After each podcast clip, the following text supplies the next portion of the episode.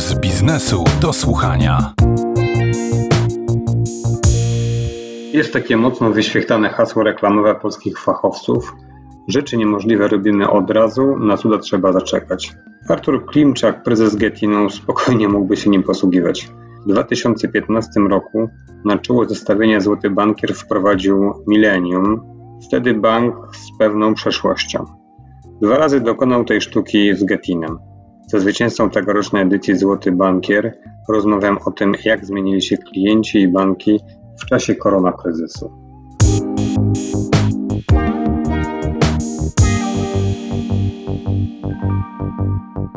Zmiany są głębokie. One przyszły nagle i powiem szczerze, że rok temu nie spodziewałem się, że one będą trwały tak długo. A co się zmieniło? Pierwszy lockdown, drugi, trzeci, te wszystkie fale spowodowały, że ilość wizyt w oddziałach spadała. Spadała dość szybko i dość głęboko. Jednocześnie musieliśmy brać pod uwagę, że zagrożeni są pracownicy banku. Prostszą sprawą było zapewnić względne, najlepsze jakie się dało bezpieczeństwo pracownikom w oddziałach na pierwszej linii, przez to, żeby oddziały były dezynfekowane, żeby były szyby między klientem i pracownikiem banku. Natomiast duże ryzyko wiązało się z takimi miejscami, gdzie jednak jest bardzo dużo pracowników pracujących obok siebie. Operacje, call center, już nie mówię o centrali, tam jest wiem, marketing, rachunkowość i tak dalej. W bardzo szybkim czasie udało się nam, myślę, że większości banków, czy później prawie wszystkim bankom, przejść na pracę zdalną, która była czymś egzotycznym przed pandemią. Na początku kwietnia zeszłego roku, mniej więcej rok temu, nasze call center operowało z 80 kilku miejsc.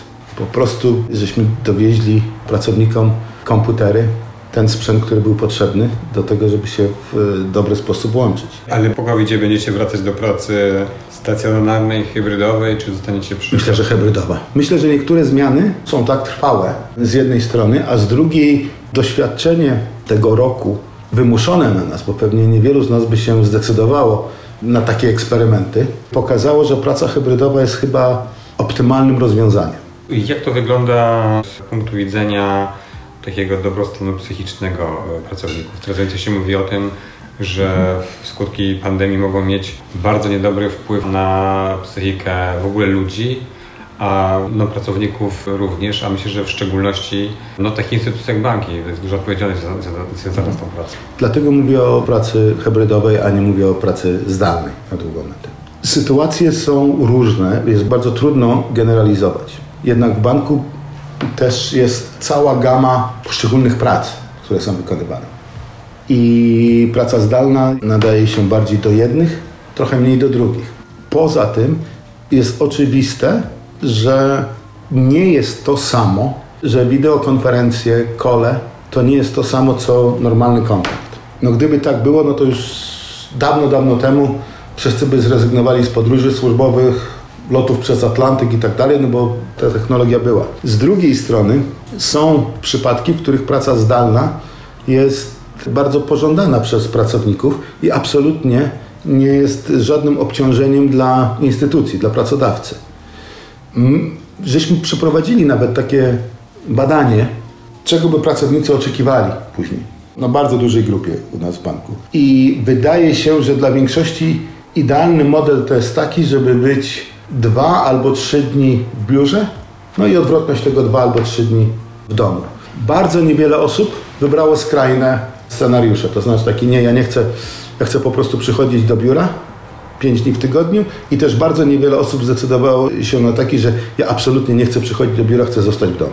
A jeśli chodzi o klientów, no ten ruch w oddziałach spadał, co pewnie z pochodą też obaw związanych z, z przychodzeniem. Czy jakieś trwalsze zmiany, czy w ogóle możemy o czymś takim powiedzieć, że nastąpi jakiś przełom i ludzie zaczną rzeczywiście bankować w sposób zdalny, niekoniecznie w kontakcie osobistym z pracownikiem? Ten, ten trend był widoczny już dużo, dużo wcześniej, jeszcze zanim ktokolwiek słyszał o COVID-zie. COVID go po prostu bardzo mocno przyspieszył. I to, o czym też mówiłem już parę lat temu, że ja myślę, że oddziały będą jeszcze przez wiele, wiele lat spełniały bardzo ważną rolę dla banków, ale inną rolę niż ta, która była wcześniej. To znaczy, myślę, że przestają może już przestały, a za pewien czas na pewno przestaną być ważnym punktem sprzedażowym. Raczej to będzie punkt usługowo-informacyjny. To znaczy, nie ma sensu iść w wielu przypadkach do oddziałów po to, żeby wziąć kredyt gotówkowy, jeżeli go może zrobić aplikacji. bankowość internetową czy nawet mobilną na dwa kliknięcia. Konta można otwierać zdalnie. Natomiast jeżeli coś idzie nie tak, czy potrzeba rozmowy, czy, czy trochę więcej informacji, to część ludzi będzie wybierała wizytę w oddziale i wydaje mi się, że te instytucje, które to zrozumieją dość głęboko i bardzo mocno przestawią mentalność ludzi w oddziałach z takich sprzedażowych pistoletów na osoby, które naprawdę są nastawione na to, żeby dać wysoką jakość obsługi i naprawdę pochylić się i z troską podejść do spraw klienta, wygrają.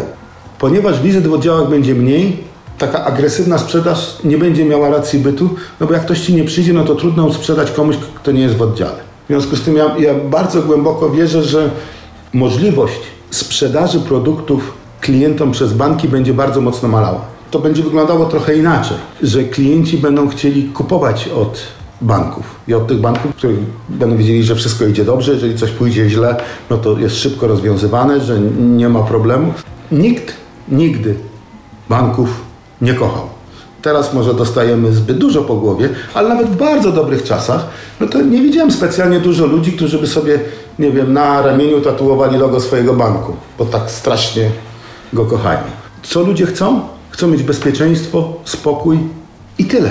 Jeżeli wszystko idzie dobrze, to są zadowoleni i nigdzie się nie wybierają. Jamie Dimon z JP Morgana w liście do akcjonariuszy napisał ostatnio, że rola banków będzie się koniecznie zmniejszała w systemie finansowym na rzecz już nawet nie fintechów, ale tych big techów, czyli tej, tej całej wielkiej czwórki dochodzących coraz to nowych, dużych firm.